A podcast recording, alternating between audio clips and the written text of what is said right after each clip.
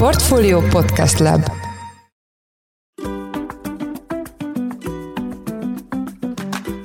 Mindenkit üdvözlünk, sziasztok!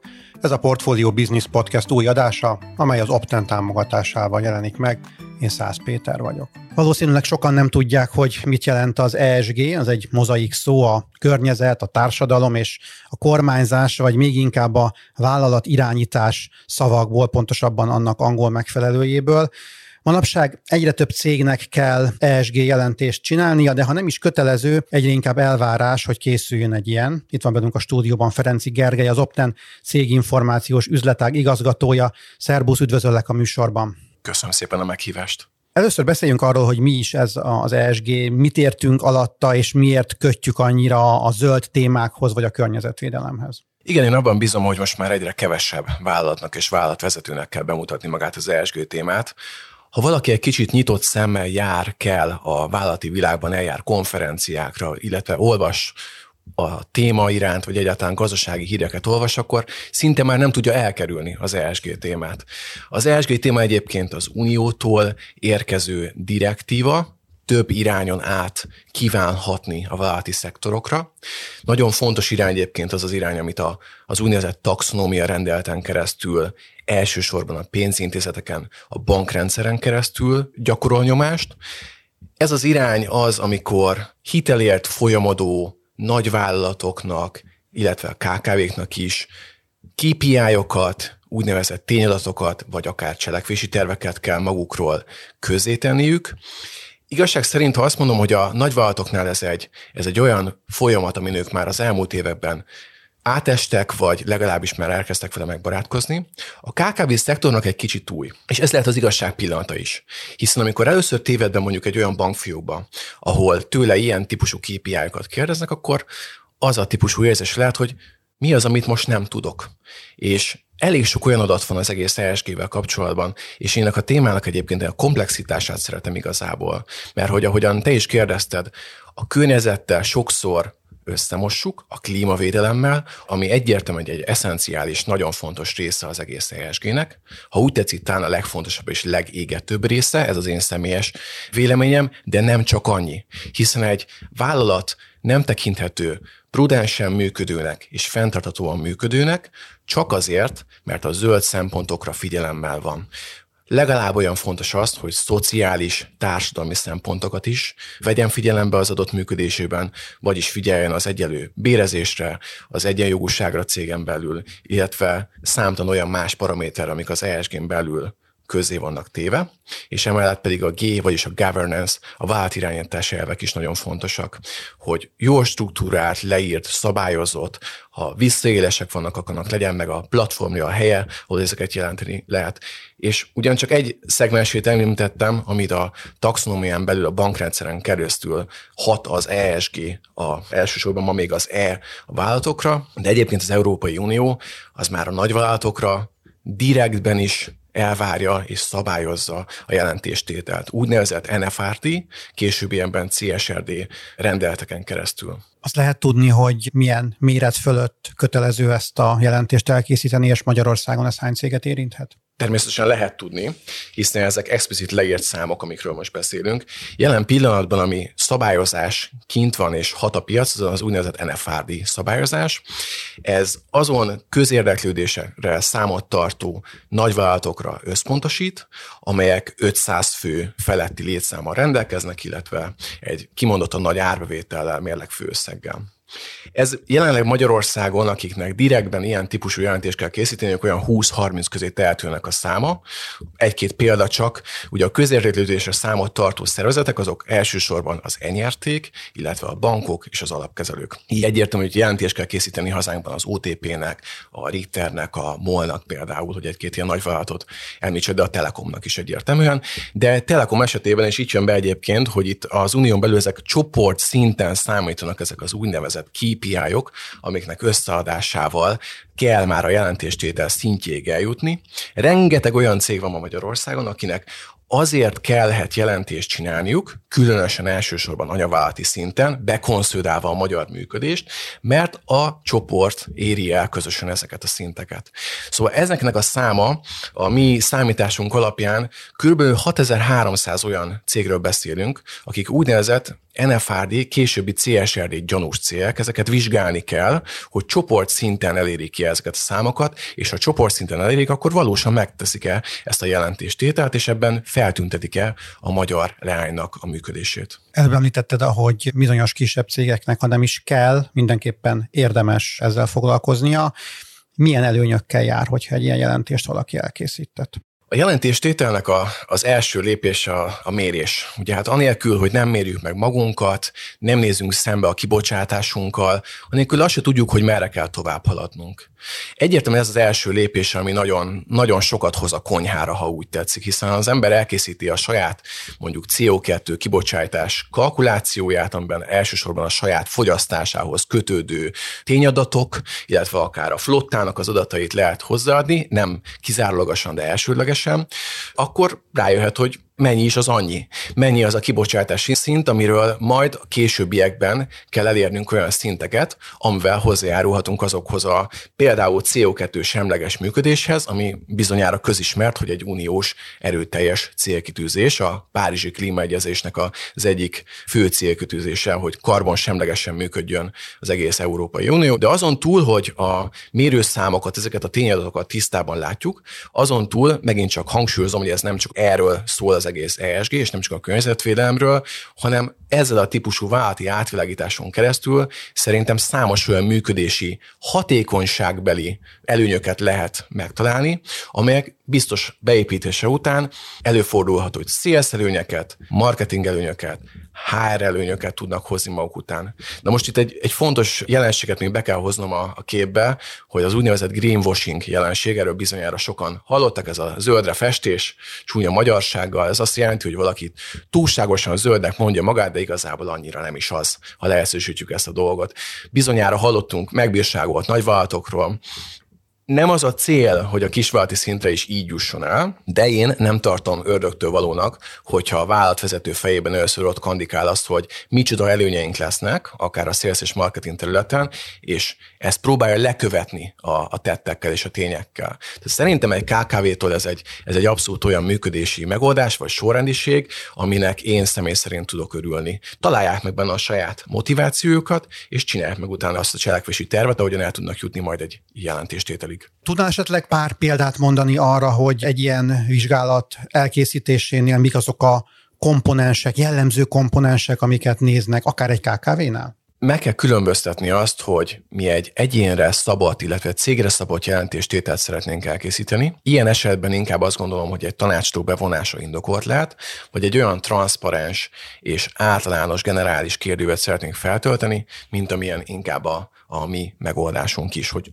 klasszikusan az összehasonlíthatóság és mérhetőség miatt ugyanazokat a kérdéseket tesszük föl. Egyébként mind a kettőn megvan a, a, a maga helye és, és indokoltsága is. Az elsőnél ugye inkább azt domborítják ki, ami az adott cég tevékenységéből adódó klímára, társadalomra vonatkozó hatást tud lenni. Teljesen más hatással van egy sertés hízlalda a környezetre, az olyan szabad szemmel láthatóbb és érzékelhetőbb hatással van a, a működésük, mint egy informatikai cég, aki lehet, hogy a szolgáltatásán keresztül hat a környezetre, negatív vagy pozitív oldalról. Akár egy lapkiadó is, ugye, aki mondjuk magát a nyomtatási tevékenységet már kiszervezi, teljesen másképp kell őt mérni, hogyha megint azt mondjuk a teljes ellátási láncot kell vizsgálni. De hogyha egy-két generális szempontot mégis ide kell hoznom, amikor beszéltünk is, egyértelmű, hogy KKV szintén, hogyha az elábról beszélünk, akkor a, azok a kibocsátási adatok mérése a legfontosabb, ami a saját tevékenységhez kapcsolódó. De az sem egyszerű egyébként minden esetben kigyűjteni, mert hogyha például valaki az energia fűtési kibocsátását vagy felhasználására kíváncsi, vagy a hulladék kibocsátásra, akkor Sokszor irodaházakban dolgoznak ezek a cégek, most is egy irodaházban vagyunk, és nem olyan egyszerű annak az adott iroda területre vonatkozó, átlagolt, leosztott méréseit megkapni. Úgyhogy itt is azt gondolom, hogy az első évben egy kicsit nehezebb dolgunk van, míg ha valaki egy saját területet bérel, avagy esetleg a saját ingatlanján tevékenykedik és csinálja ezt a vállalkozást, egy fokkal itt egyszerűbb lesz az a dolog. Fontos az autóflotta, amiről beszéltünk, hiszen az is egy a klímacéloknak egy, egy Európai Unió által is hőnsz szeretett kommunikált példája, hogy hogyan jussunk el például a, a teljes zöld autó irányába. Én azt gondolom, hogy ebben nagyon megoszlóak a vélemények, hogy ki az, aki támogatja, és ki az, aki a zöld autó mellett van. Nem is szeretnék ebben igazából állást fogni, de mint téma, mint mérés szerintem feltétlenül fontos, hogy ezt is oda tegyük. Emellett pedig a, a social lában azok a társadalmi egyenjogúságot érintő témák, ami arról szól, hogy a vezetőségben például mennyi a férfi és mennyi a nő, mennyi az idősebb korú és mennyi a fiatalabb. Ezek mind azt mutatják, hogy mennyire nyitott a különböző területek felé a cégnek a, a top vezetése, de ez leáramodik az egész munkavállalói kör irányába. Tehát ott is ugyanúgy meg lehet mérni azt, hogy egyébként a férfi-női arány az, az milyen. Természetesen megint azt mondom, hogy vannak olyan szakmák és területek, ahol, ahol magától értetődő, hogy az építőiparban valószínűleg több lesz a férfi munkavállaló, még hogyha a, a gyógyszertárak szintjéről beszélünk, ott valószínűleg több lesz a hölgy munkavállaló. A, a vállalatvezetési elvekben pedig egyértelműen számítanak azok a klasszikus mérési szempontok, amik magára a vállalatról szólnak. Hiszen az ESG-nek a komplexitásában benne van egyértelműen, hogy nem csak zöldnek kell lenni, nem csak egyenjogúnak kell lenni, hanem azt a céget is illik működtetni rentábilisan. Így mi például, amikor rétingelünk, mérünk cégeket, akkor maga a cégnek a, a fenntartató működését is nézzük. Az a cégnek a működése árbevétel szempontból, profit szempontból, hogyan ingadozott az elmúlt évek során, hogyan kezeltek egy olyan, nem, olyan válságos időszakot, mint amilyet hozott nekünk akár a COVID, illetve jó néhány másik példa a múltban, mennyire nyúltak elsődlegesen a létszámleépítéshez, vagy inkább csak egy létszám racionalizáláshoz, úgyhogy ezek mind nagyon fontos szempontok. De amiről beszéltünk korábban, például azt, hogy egy vállalaton belül a nyitott kommunikáció, a problémáknak a felszíne hozatala, vagy akár vállalatvezetési szinten hogyan viszonyulnak a szelektív hulladékgyűjtéshez. Apróság tudom elcsépelt, de az ilyen apróságok tudnak a KKV szektornak is segíteni azon, hogy elinduljanak egy olyan úton, ami fenntartható. De még egy példát hozzak ide, akár a megváltozott munkaképességűeknek is tudnak-e alternatívát nyújtani. Vannak olyan kiváló audit cégek egyébként itt Magyarországon is, akik ebben segítenek, hogy átnézik, összeírják, és megint csak tanácsokkal, tippekkel látják el azokat a vállalkozóvezetőket, akikben van nyitottság arra, hogy olyan kollégákat is alkalmaznak, vagy alkalmazni fognak a jövőben, akik ilyen megváltozott munkaképességgel bírnak. Azt értem, hogy ez egy pozitív dolog, és nyilván akkor gazdasági vagy financiális szempontból is pozitív lehet ennek a mérlege, hogyha az ember megfogadja azt, amit a jelentés készítője mond neki, de a gyakorlatban a te tapasztalataid szerint miként viszonyulnak ez a KKV-k? Nagyon sok KKV van Magyarországon, először is tisztázzuk ezt a dolgot, és a KKV-ban egy olyan szegmensről kell először beszélnünk, akik a mikrovállalkozások. Ezek a vállalkozások nem érik el a 10 foglalkozatot főt.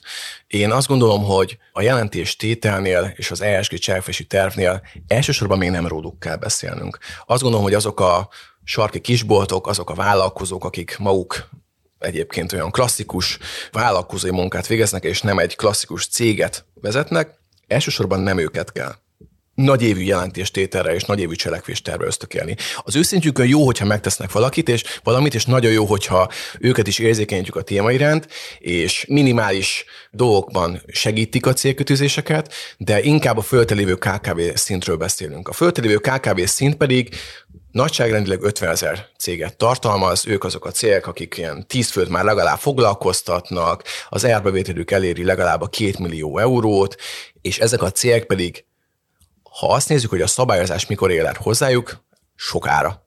Jó néhány év múlva.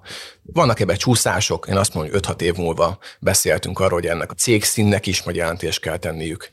De van egy olyan szegmens, ami ettől sokkal hamarabb fogja elhozni ezt a kikényszerítőt, és ez maga a piac. A piac két okból. Egyrésztről, hogyha látom azt, hogy a szomszéd cégem már ESG kommunikációt hajt végre, akkor meghallgatom, hogy miről szól, és nem akarok lemaradni. A másik pedig az, hogy beszéltünk különböző szabályozókról, pénzrendszeren keresztül taxonómia, Európai Unión keresztül NFRD, később CSRD. És itt behozok még egy dolgot, ami, ami Magyarországon különösen fontos lehet, és ez pedig a német ellátási lánc törvény, ami arról szól, hogy azok a német nagyvállalatok, akik beszállítókat választanak, azoknak kötelezően kell egyre szertágazóban ESG szempontból is vizsgálódniuk. Vagyis egy idő után ez tender indulási feltétel lesz akár egy német beszállítóhoz, de már jó néhány olyan más multit is hallunk, ahol feltételül szabják azt, hogy le kell adni egy ESG jelentést, mert hogy amikor arról beszélünk, hogy egy nagyvállalatnak jelentést kell csinálni magukról, akkor itt be kell hozni másik dolgokat, és ez például a Scope 1-2-3 hatás. A Scope 1-2 az elsődlegesen arról szól, hogy a, a vállalatról mit lehet tudni, energiafogyasztás, kocsik, stb. autó, munkába járás, egyebek. De a Scope 3-nál már vizsgálódni kell a teljes ellátási láncnál. Vagyis például, hogyha nekem van egy beszállító partnerem, aki egy nagyon fontos alapanyagot gyárt, csapágyakat, kereket, akármit, vasat, akkor tudnom kell, hogy ennek mi a származása, és ennek milyen karbonlábnyoma van, hogy én úgy tudjak riportálni, hogy egy teljes termék életciklust végig tudjak csinálni az én saját jelentésében. Ezáltal a nagyválti szegmens a saját prudens, egyre professzionálisabb jelentéstétel miatt kényszerű keltlenokból be kell kérnie a kisvállalatoknak is ezt a típusú jelentéstételét, ami piac én szerintem sokkal hamarabb fogja kikényszeríteni az ESG működést, mint amiről az imént beszéltünk, a szabályozói környezet. Ez egy Európai Uniós szabályozás, ha jól értem. Magyarországon esetleg vannak-e az Európai Uniós keretrendszeren kívüli szabályozási tételek, kicsit szigorúbb, kicsit kevésbé szigorú, vagy egyszerűen csak átvettük azt, amit az EU diktál? Én azt gondolom, hogy jelen pillanatban inkább inkább átvettük és használjuk és próbáljuk értelmezni, hiszen ez egy elképesztően tág téma, és egy olyan téma, ami folyamatosan formálódik még a jogalkotónak a szintjén is nincsen igazából leszabályozva, ez inkább le lesz szabályozva, hogy hogyan kell például kinézzen kötelezően, milyen formai, milyen tartalmi elemekkel kell rendelkezni egy jelentéstétel. Éppen most készül el, ugye az ESG témában tudni kell, hogy aki kicsit elkezd elmélyedni, akkor mozaik szavak egész tengerét fogja látni. Egy párat már én is mondtam, ilyen egy következő az ESRS. Az ESRS az például pont ezt fogja szabályozni a következő évtől hatályba lépő jelentéstételnél, milyen formában, hogyan kell ilyen típusú riportot készíteniük. Vagyis nagyon fontos, hogy a jogalkotó a szempontokat leírta, maga a hatás már elindult, a piaci turbulenciája iszonyatosan látható, de az, hogy egész pontosan ezek a, ezek a riportok például transzparensek legyenek, egymással jól összehasonlíthatóak, ahhoz, ahhoz idő kell. Ahhoz idő kell, és biztos, hogy ki fognak alakulni a magyaros sajátosságok, hiszen mi optenként is benne vagyunk olyan jogalkotóhoz közeli fórumokban, gondolkozásokban, ahol igenis keresik azt, hogy hogyan lehet ezt jól megfogni, illetve azt gondolom, hogy ki kell emelnem a Magyar Nemzeti Banknak a szerepét, kimondottan jó és professzionális humántőkével támogatják ezt a szakmát, és vesznek részt nagyon komoly és nagyon jó szakmai fórumbeszélgetéseken. Nyilván ez, a, ez az ESG vizsgálati módszertan tematika is folyamatosan fejlődik, ahogy fejlődik a technológia is. Hogy látod, mi lehet ennek a jövője, mik azok a szempontok, amelyekre esetleg öt év múlva vagy tíz év múlva kell majd odafigyelni egy olyan cégnek, amely ezt a jelentést el akarja készítetni? Én azt látom, hogy az egész világ abba az irányba halad, hogy digitalizálunk, gyorsan akarunk mindent csinálni, és ez nem fogja elkerülni az ESG jelentéstételt is, Biztos vagyok benne, hogy szükségesek azok az automata digitális megoldások, amin egyébként mi magunk is dolgozunk, mert hogy jelen pillanatban ez még egy, egy tanácsadó nehéz szakma. Jogosan, hiszen egy új területről beszélünk, és mint említettem, elsősorban nagyvállalatoknak kell ezt a jelentéstételt csinálniuk, ők pedig olyan professzionális tanácsadókat alkalmaznak, akik mind munkaórában, mind munka költségében nem KKV kompatibilisek, hogyha őszinték akarunk lenni, illetve jó, hogy vannak tanácsadók ezen a területen, de amint beszéltük, ezt a körülbelül 50 ezeres kis és középvállalkozói réteget képtelenség lenne lekezelni. Vagyis azt gondolom, hogy kellenek olyan automatizált digitális megoldások, amikkel segítjük az ő jelentéstételüket, és gyors, olcsóbb, rentábilisebb megoldás kell, hogy adjunk, mert hogy nagyon fontos, hogy az ESG az, az első készítésnél az egy kicsit pillanatkép, illetve egy múltba mutató pillanatfelvétel, de ez egy trend, ami meg fog maradni a jövőben is, és elsősorban arról szól, hogy nem az, hogy egyszer lemérjük magunkat, hanem hogy a mérés után milyen cselekvési tervet állítunk össze, és ezt a cselekvési tervet az éves mérések során hogyan tudjuk lekövetni. Tehát ez egy folyamatos munka tud megmaradni, és a folyamatos munka pedig nyilván nem fenntartható, hogyha évente két-három hónapról szól, mert azért kéne kicsit foglalkozni a vállalkozásnak a saját tevékenységével is. Hogyha valaki kedvet kap, akár cégvezetőként ahhoz, hogy ezt a jelentést elkészítesse, hova fordulhat Magyarországon, és egyébként milyen költségekkel kell számolni? Én azt gondolom, hogy nem tudom, hogy ajánlhatom-e saját magunkat jelen podcastban, Azért ajánlanám magunkat, mert van egy olyan ingyenes megoldásunk, ami, hogyha fölmegy valaki az esg.opten.hu oldalra, akkor egy ingyenes jelentéstételt tud csinálni. Összeállítottunk egy olyan kérdéssort, egyébként egy olyan auditált kérdéssort, amit a világ legnagyobb keretrendszer szolgáltatójával, a GRI-vel alkottunk meg közösen. Ő nekik van egy olyan audit programjuk, amin végigment a cégünk, és amint mondtam is, amikor valaki egy ilyen ingyenes jelentéstételt megpróbál végigcsinálni, akkor egyszerűen görbetükröt mutat, hogy mi az, amire nem tud válaszolni. Úgyhogy én azt gondolom, hogy ez az első lépés, legyünk tisztában azokkal a pontokkal, amire ma nem tudunk választ adni, és utána meg határozzuk meg, hogy képesek vagyunk-e ezeket a pontokat saját munkunk, saját humántőkéből, kollégák segítségével létrehozni, vagy esetleg nézzünk szerte a a tanácsadói piac szereplőin, és nyilvánvalóan kérünk be több ajánlatot. Egyértelmű, hogy vannak itt olyan komoly szakembergárdával rendelkező professzionális tanácsadó cégek, ahol, ahol ez egy komoly költség lesz, milliós éves költség lesz, és biztos vagyok benne, hogy lehet találni egyre inkább majd olyanokat, akik pedig pont erre a KKV szegmensre fognak létrejönni, egy picit talán egyszerűbbek lesznek ezek a jelentéstételek, hiszen maga a cég működése is egyszerűbb, hogyha úgy tetszik. Hát egy, egy 50 fős cégnek a működése egyszerűbb kell, hogy legyen, mint egy 5 vagy 50 ezer főt alkalmazó multinacionális nagyvállalatok a működése. Úgyhogy azt gondolom, hogy ezek az első lépések. Jelentéstétel, feltétlenül bevezetni a saját gyengeségeimet, illetve a területeket, amiket nem ismerek, és ezt követtem pedig megnézni azt, hogy tudom ezt saját magam, vagy pedig szükséges külső felet bevonnom. Köszönöm szépen az elmúlt percekben. Ferenci Gergely, az Opten cég információs üzletág igazgatója volt a vendégünk. Köszönjük szépen, hogy a rendelkezésünkre álltál. Köszönöm szépen a beszélgetést. Ez volt a Business Podcast, a műsor elkészítésében részt vett Bánhidi Bálint, a szerkesztő pedig én voltam Szász Péter. Új műsorral hamarosan jelentkezünk, addig is minden jót, sziasztok!